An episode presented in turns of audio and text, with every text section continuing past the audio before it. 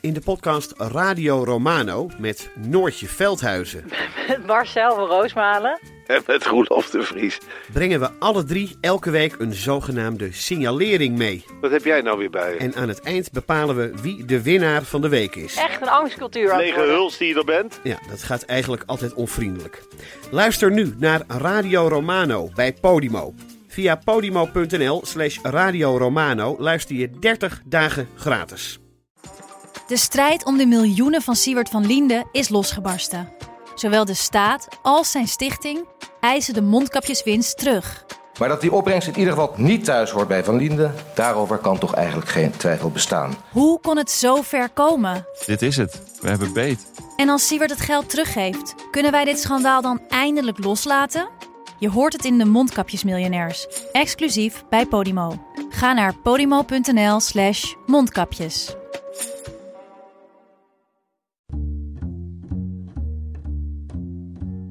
Hallo, vanaf de redactie van de Groene Amsterdammer is dit uw wekelijkse podcast. Ik ben Kees van der Bos.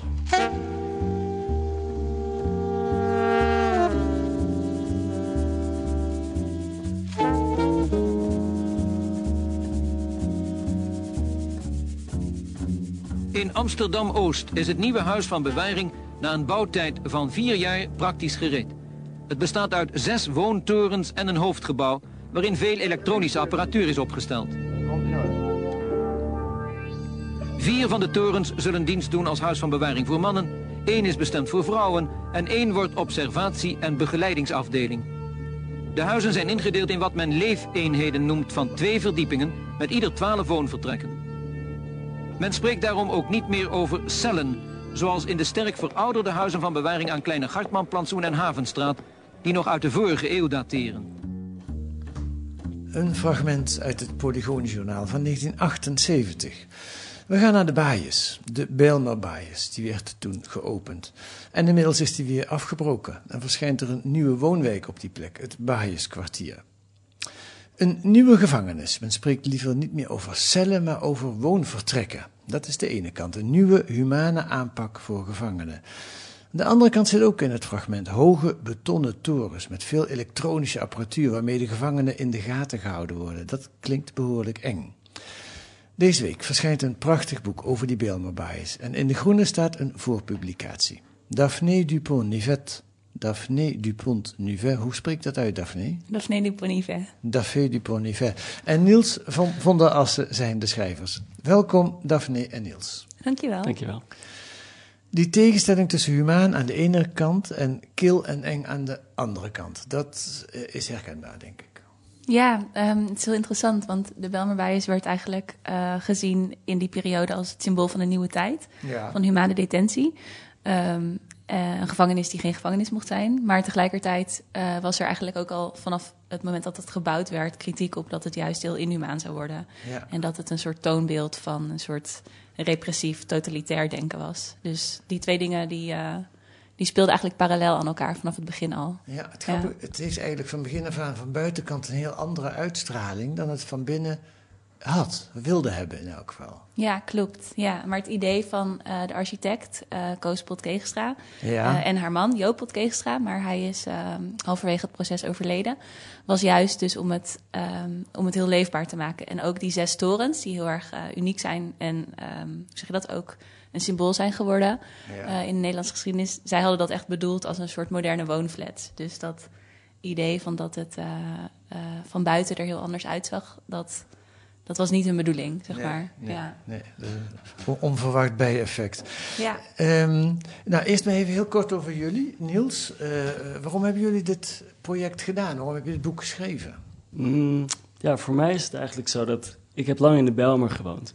En ik kwam met de metro iedere dag langs die torens. Jij zag Dus ze, voor mij, ja. voor mij begon het echt als een fysieke fascinatie met, met die bouw, met, met, met die, eh, die bouwwerken. Ja, En ehm, toen, eh, ja, toen, toen we wilden samen graag, eh, graag iets schrijven.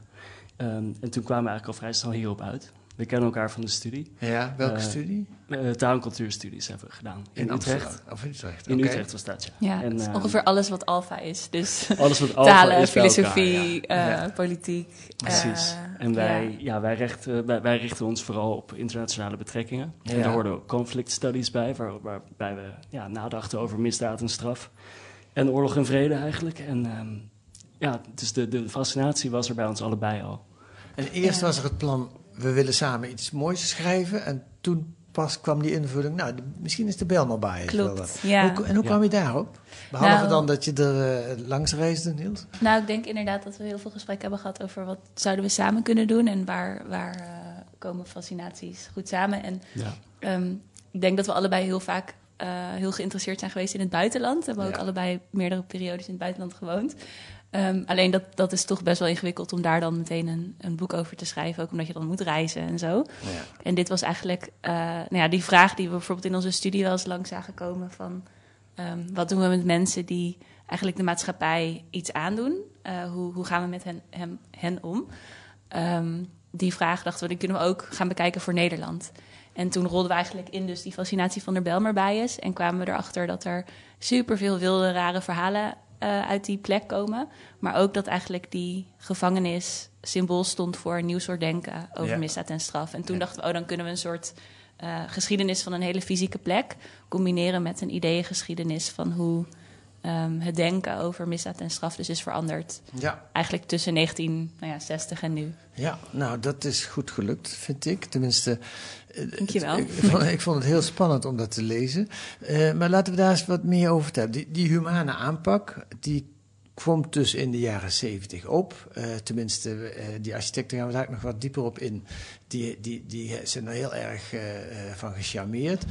Maar laten we eens kijken, waar kwamen we vandaan? Wat ging er vooraf aan die humane aanpak? Kun je wie van jullie... ja, ik, ik, heb, ik heb daar een beetje naar gekeken. eigenlijk kwam dat, dat nieuwe denken al in de jaren 50 op, na de Tweede Wereldoorlog. Um, toen hebben eigenlijk ja, de politieke elite van Nederland, die hebben ook bijvoorbeeld in de Tweede Wereldoorlog gevangen gezeten in, in Nederlandse cellen of in kampen. En nadat zij vrijkwamen, kwamen ze met het idee van we moeten dat echt anders gaan doen.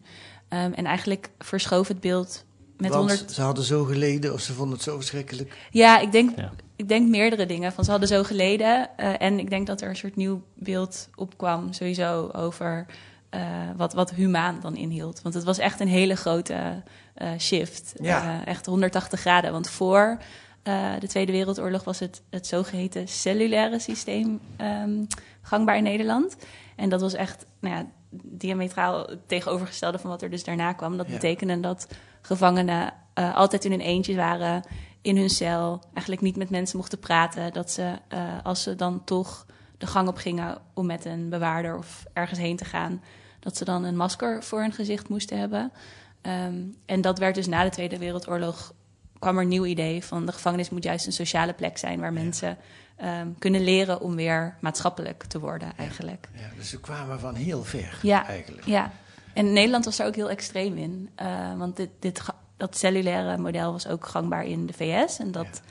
daar was het ook uh, wel extreem, maar in andere landen volgens mij iets minder. Dus. Nederland was weer heel erg puritein, zeg maar. en is toen helemaal omgeschakeld. Ja, ja. toen werden we daar weer extreem in. Ja. Want we Nederland is echt in de jaren 70 een gidsland geweest hè, op het gebied van het gevangenissysteem. Ja, en dat gaat heel ver. Uh, nou, laat ik even een, een, een eerste fragment horen voordat we daar verder over gaan praten. En wie we horen is een bewaarder die daar uh, in de Bijlmerbaais lang gewerkt heeft, Max Sordam. Aan de Havenstraat, daar had je 4 maal 24 man. En dat is een heleboel natuurlijk. Dan had je op elke ring een bewaarder staan. Ze mochten bewaarders ook geen gesprekken voeren met gedetineerden. Het was puur detentie. Uh, achter de deur en that's it. Geen communicatie. Nou, dat is wat jij uh, ook schelst, uh, schetst, uh, Daphne. Wie, wie, is Max Sordam? Jullie hebben hem gesproken. Ja, klopt. Max Sordam is ook een, een, personage in het boek. hoofdstuk 4, als ik het goed heb. um, de vertaler hebben we hem genoemd. Hij um, is een echt heel interessant persoon. Hij leeft nog steeds, hij is geloof ik 96 nu. 96 inmiddels, ja. Ja, en we hebben hem opgezocht in zijn uh, woning in Amsterdam-Osdorp. En hij, was, uh, hij ging in 1966 in het gevangeniswezen werken in Amsterdam. Nog niet in de Belmerbijes, maar op de Havenstraat, denk Van de ik. Havenstraat Ja. heeft De Havenstraat. hier. Oh, dat zei ja. hij net. Ja, ja. En ehm, hij werd toen de eerste zwarte bewaarder in, eh, in ieder geval in Amsterdam. We weten niet zeker of het ook in heel Nederland was. Maar in ieder geval in Amsterdam. En hij werd echt aangekeken al bij zijn sollicitatie. Van wat, wat doe jij hier eigenlijk? En eh, eh, denk je wel dat jij autoriteit hebt over eh, al die anderen? Ja, al die andere blanken. Ja, Ja. ehm, ook omdat hij zijn autoriteit op een hele andere manier liet, liet zien dan, dan men tot nu toe gewend was. Ja. Hoe bedoel je? Ehm, hij, hij schrijft, hij heeft een boekje geschreven dat heet Van bewaker tot bewaarder. En daar, daar legt hij dat hele proces uit. Hoe eigenlijk op het moment dat hij bewaarder werd, eh, het, het eh, mantra, de mantra van de harde knuisten nog, eh, nog heerste. Dus je moest vooral fysiek imponerend zijn en, en je, je mocht ook je best fysiek laten gelden als, het, als de situatie daarom vroeg. En hij was daar fel op tegen vanaf het begin. Dus daar, daar maakte hij zich ook niet populair mee. Ja, hij zegt eigenlijk een beetje dat hij zelf die, die humaniseringsslag belichaamde. Dus dat dat heel goed tegelijk ging. En dat hij dat helemaal een soort van omarmde. Het paste Ehm, helemaal bij hem. Ja, en hij is dus ook best wel, eh, toen hij in de Belmerbij is kwam te werken, ook best wel opgeklommen. En is toen hoofdbewaarder geworden van een van de torens. Want er waren dus zes torens. En elke toren had een eigen directie en een eigen hoofdbewaarder. En eigenlijk een heel eigen soort van organisatie. Ehm, en eh, op een gegeven moment, dat is alweer fast forward naar de jaren tachtig. Maar toen kwamen er op een gegeven moment eh, bezuinigingen op het gevangeniswezen. Zoals eh, eigenlijk op alles in die tijd. Ehm, en toen was de Belmerbijes de, eigenlijk een soort hotspot van de staking. En dat werd ook weer door hem geleid. Dus van iemand die eigenlijk werd aangekeken als... wat doe jij hier? Werd hij de, ja, de soort stakingsleider. En juist heel gezaghebbend. Ja. Dus het was heel interessant om met hem te, te spreken daarover. Ja. Dat En hij heeft dus ook weer die omslag meegemaakt. Eerst de omslag naar de humanisering, maar ook weer het, eh, het verdwijnen van de humanisering, als ik het zo mag noemen. Ja. Ja, want dat moment is best wel kort geweest ook, dat, eh, dat humaniseringsmoment, als Ja. we dat zo kunnen noemen. Nou, laten we daar nog even op inzoomen. En dat wil ik dan doen aan de hand van eh, de architecten. En vooral de, de vrouwelijke architect. Want het is een echtpaar die, eh, die de boel, de, de baais ontworpen heeft. Maar de man is in 72 overleden. En het heeft Koosje Potgeest Keestra heeft het afgebouwd, afgetekend. Ehm, die mevrouw zelf was ook weer een bijzondere persoonlijkheid. Hè?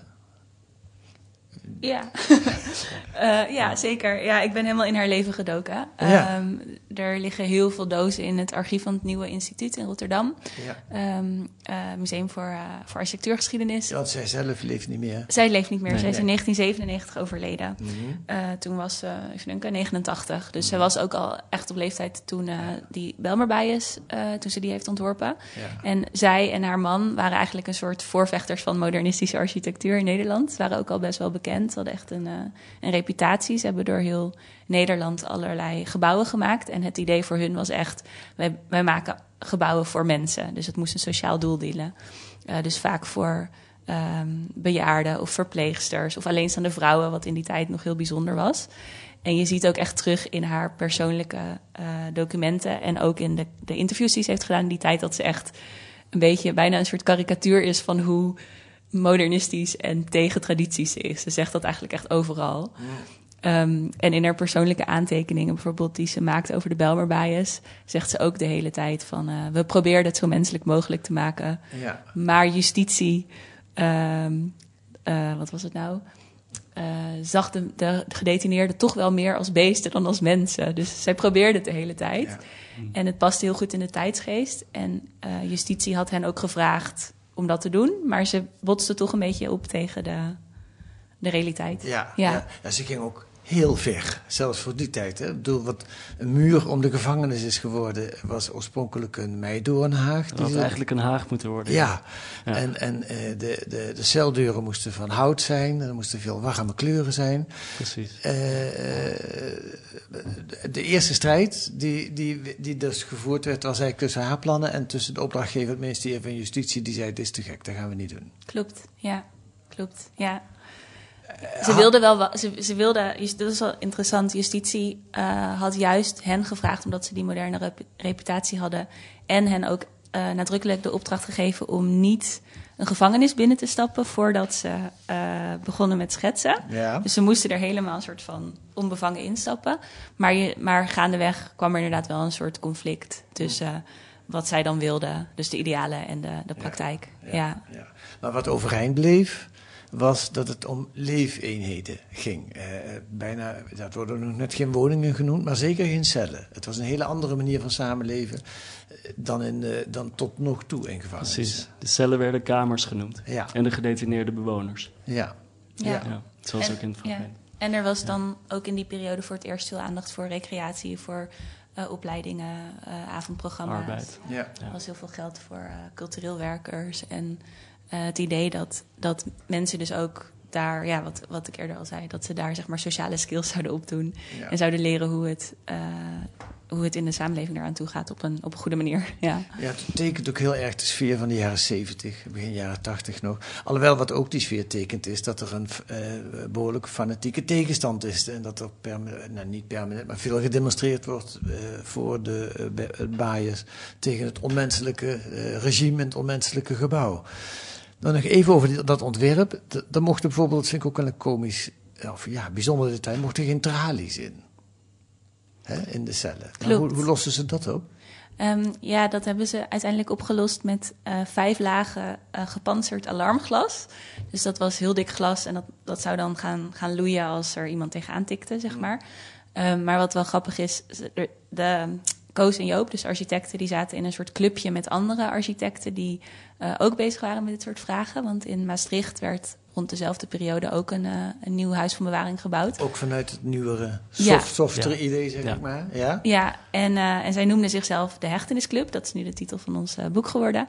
En uh, ze, je ziet in de notulen van hun besprekingen van de Hechtenisclub... dat ze dus echt wekenlang het dan hadden over die vragen... wat moeten we nou met tralies doen? Ja. En wat voor alternatief kunnen we bedenken? Ja. Ja. En dat glas, daar zou dus niemand doorheen kunnen. Nee, mag, maar nou goed, nu komen we volgens mij bij, bij jouw specialisme, Niels. Want dat niemand er doorheen kunnen, dat viel nogal tegen. Ja, dat viel, dat viel tegen in de praktijk. Ja, er zijn veel Ja. ontsnappingen geweest vanuit de Bijlmer. Ja, er zijn veel ontsnappingen geweest. Uh, uiteindelijk, ja, totaal rond de 100 ontsnappingen. Is dat eigenlijk ook veel meer dan als je het, uh, want er zaten ook veel gevangenen, noem maar op, als je het, als je het vergelijkt met andere gevangenissen? De Belmerbias was wel onbetwist koploper.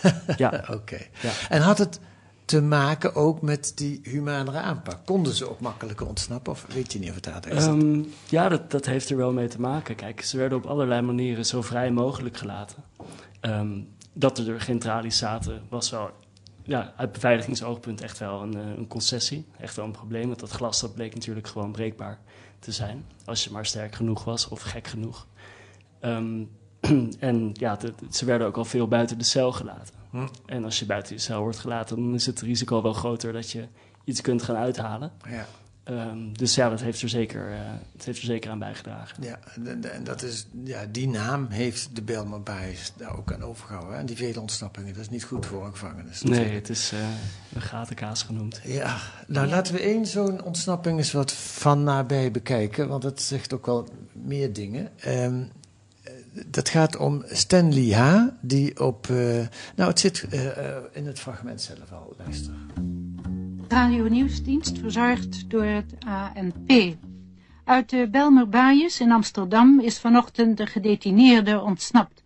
Volgens een politiewoordvoerder is hij tijdens het luchten over de gevangenismuur geklommen en via het ijs op de omringende gracht verdwenen. De 38-jarige man moet straffen uitzitten voor in totaal 17 overvallen. Hij is al verscheidene keren ontsnapt uit gevangenissen in Scheveningen en Alkmaar. Volgens de politie is hij iemand die er niet voor terugdeinst vuurwapens te gebruiken. Nou, deze meneer was al drie keer uit andere gevangenissen ontsnapt. En nu lukte het hem ook uit de Bijlmerbuis. Stanley H. En dat leverde nog spannende televisie op bij Sonja Barend. In die tijd een spraakmakende talkshow. Die, uh, waar Stanley H. vermomd met snor en zonnebril zijn beklag mocht doen over dat vuurwapen gevaarlijke. Hij voelde zich opgejaagd. Uh, dat fragment wil ik ook even laten horen. En dan moet je weten dat de woordvoerder van de Amsterdamse politie, Klaas Wilting, daarbij aan tafel zit, terwijl dit getoond wordt. En ook de gevangenisdirecteur Scheffelaar Klots van, uh, van uh, een, een, deel van de Bijlmer Baais. En zit er heel ongemakkelijk naar te kijken, want hen was vooraf namelijk niks verteld. Ik vind dat het nu namelijk wat er gaande is geweest, dat dat te erg is geweest. Het is te overdreven geweest van wat er ooit is gebeurd. Ze hebben je te overdreven als een gevaarlijke gek juist, afgeschilderd. Juist, ja. Daar ben ik absoluut, dat, dat, daar ben ik gewoon woest om. Ik woest om. En je hebt dit willen zeggen om te voorkomen... Juist. Dat als je vandaag of morgen gepakt wordt... dat er dan onmiddellijk iemand is die zijn pistool op je ja. leeg schiet. Omdat je bang bent dat je zelf, als die situatie zich voordoet, ook gaat schieten. Ik heb nu maar een klein duwtje nodig om het gevecht aan te gaan met hun. En dat wil ik absoluut niet. Ik hoop dat het helpt. Dank je wel voor dit gesprek. Dank je. Graag gedaan. Meneer Welting, um, wat zegt u hierop? Ik zeg erop dat ik het uitermate triest vind dat dit op de Nederlandse tv wordt vertoond. Ik vind het uh, zelfs betreurenswaardig. U zou zich ook eens moeten afvragen hoe dat overkomt bij al die mensen die het slachtoffer zijn geworden, niet alleen van hem, maar van criminelen. Op deze wijze. U heeft het zelf al gezegd. U heeft heel wat mensen geprobeerd voor de camera te krijgen. Ja. Ik kan u zeggen, er zijn hier in Amsterdam kleine winkeliertjes die daarbij een girokantoortje hebben. Als u onze mensen, onze regisseurs en afdeling overvallen hoort. Dat zijn mensen, grote sterke kerels, die na twee, drie overvallen complete wrakken zijn. Dan vind ik het in en in triest dat dit op de tv komt. Ik ik vind het heel erg. Ja, daar.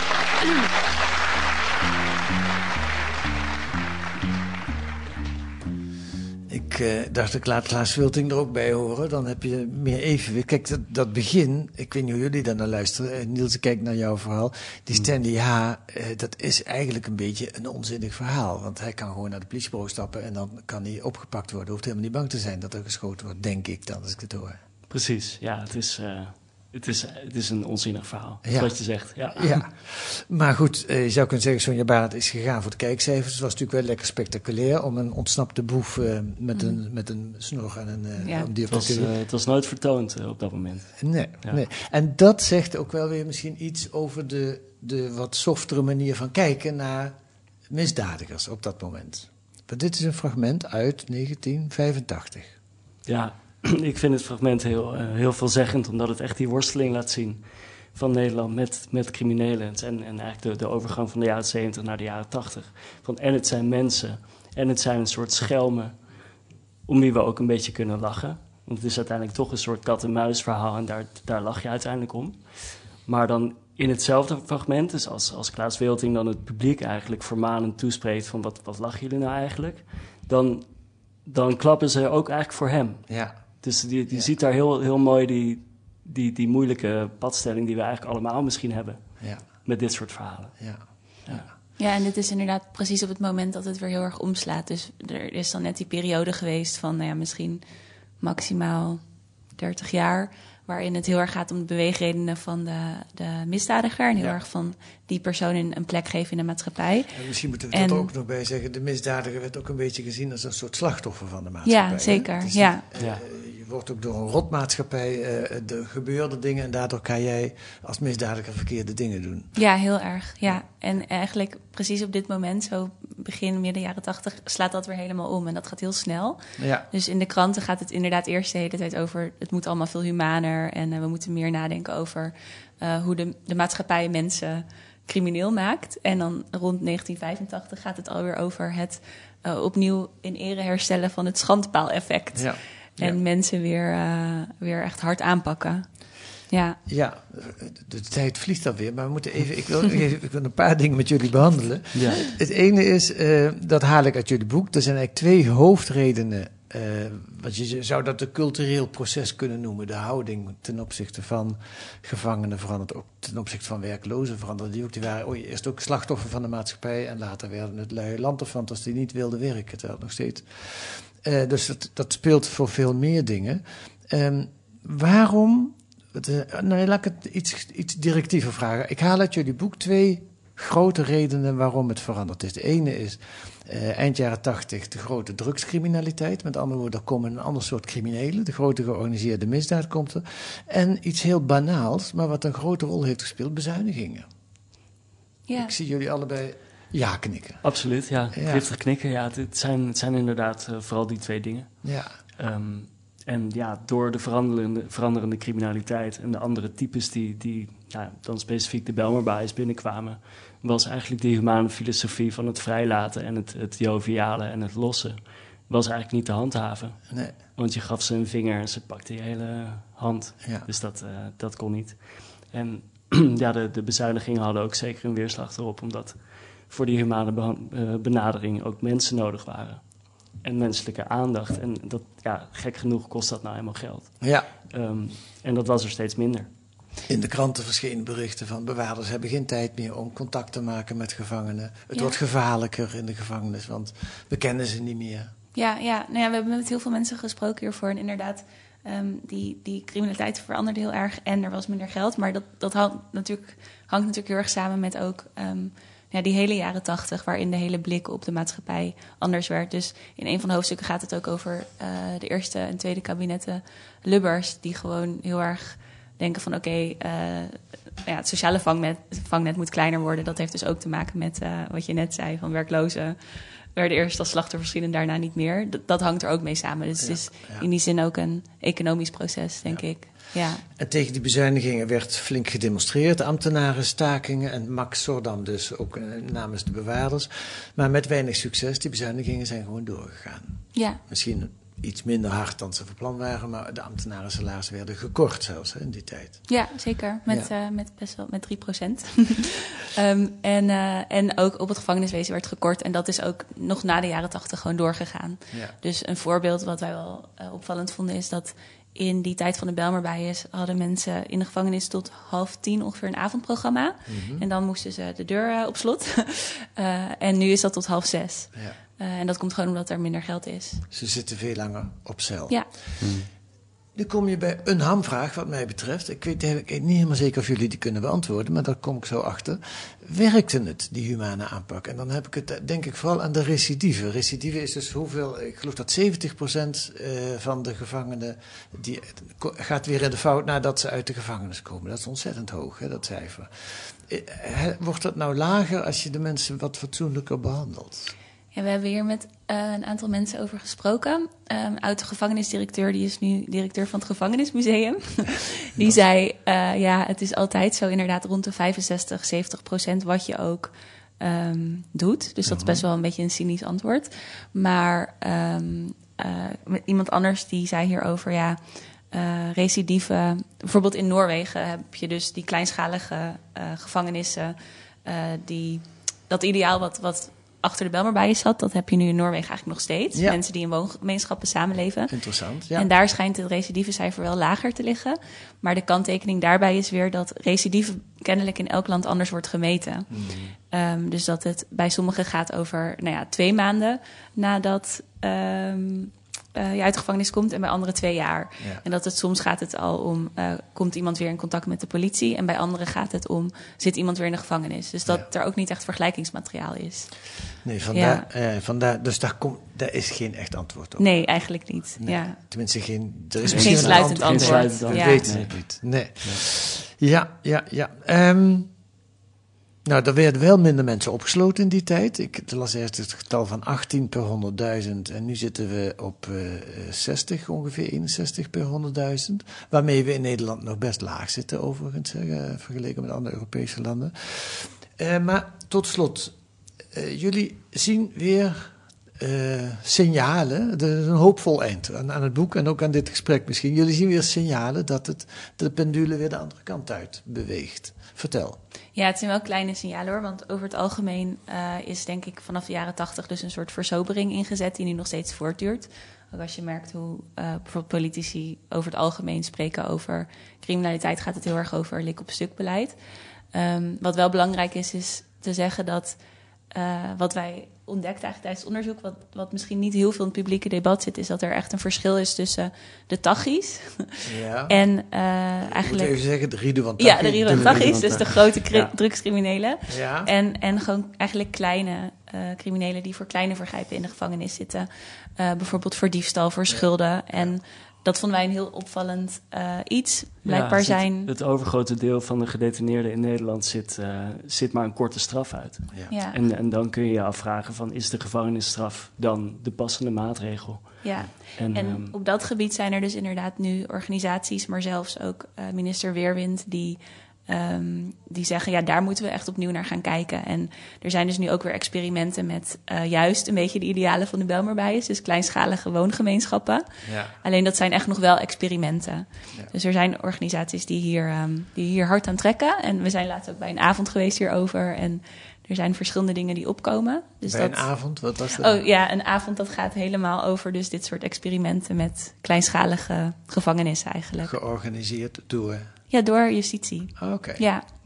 Ja, of die avond niet. Nee. die, eh, die avond was eigenlijk door hervormers. Ja. Dus mensen die op dit moment eh, detentie willen hervormen. Maar dat Huis van Herstel heet het, die kleinschalige detentie in Almelo, dat is wel iets van justitie. Ja.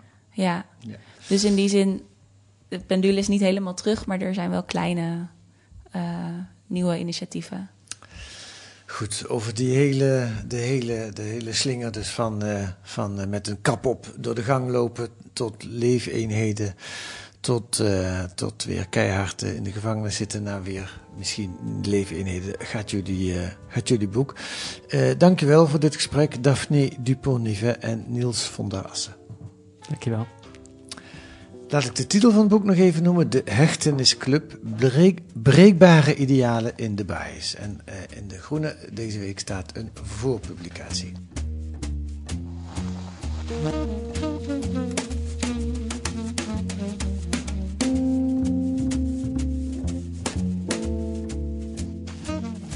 Wat kunt u nog meer lezen in De Groene? Een profiel van Kurt von Vonnegut. Vonnegut. Vonnegut, hoe spreek je dat eigenlijk uit? Vonnegut? Vonnegut? Vonnegut. Ik weet het niet zeker. Eh, Een schrijver, de vaak vastgesteld, die heeft vaak vastgesteld dat het een afknapper is om mens te zijn. Maar hij verzandde nooit eh, in gemakzuchtig nihilisme. De 100 jaar geleden geboren Duitse schrijver wilde gewoon dat we wat aardiger zouden zijn voor elkaar en de planeet. En nog meer een essay van Timothy Snyder over de toekomst van de Oekraïne. Volgens de Amerikaanse historicus laat president Zelensky zien dat democratie een kwestie is van menselijke risico's nemen.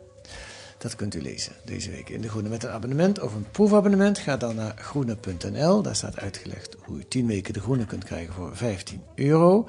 Groene.nl. Wilt u reageren op deze podcast, dan kan dat per mail podcast.groene.nl podcast.groene.nl. En volgende week zijn we er weer met analyses en achtergronden bij het nieuws in deze podcast van de Groene Amsterdammer. Die deze week werd gemaakt door Merwe Usdemir en Kees van der Bos. En de muziek is A Tune for N van Paul van Kemenade.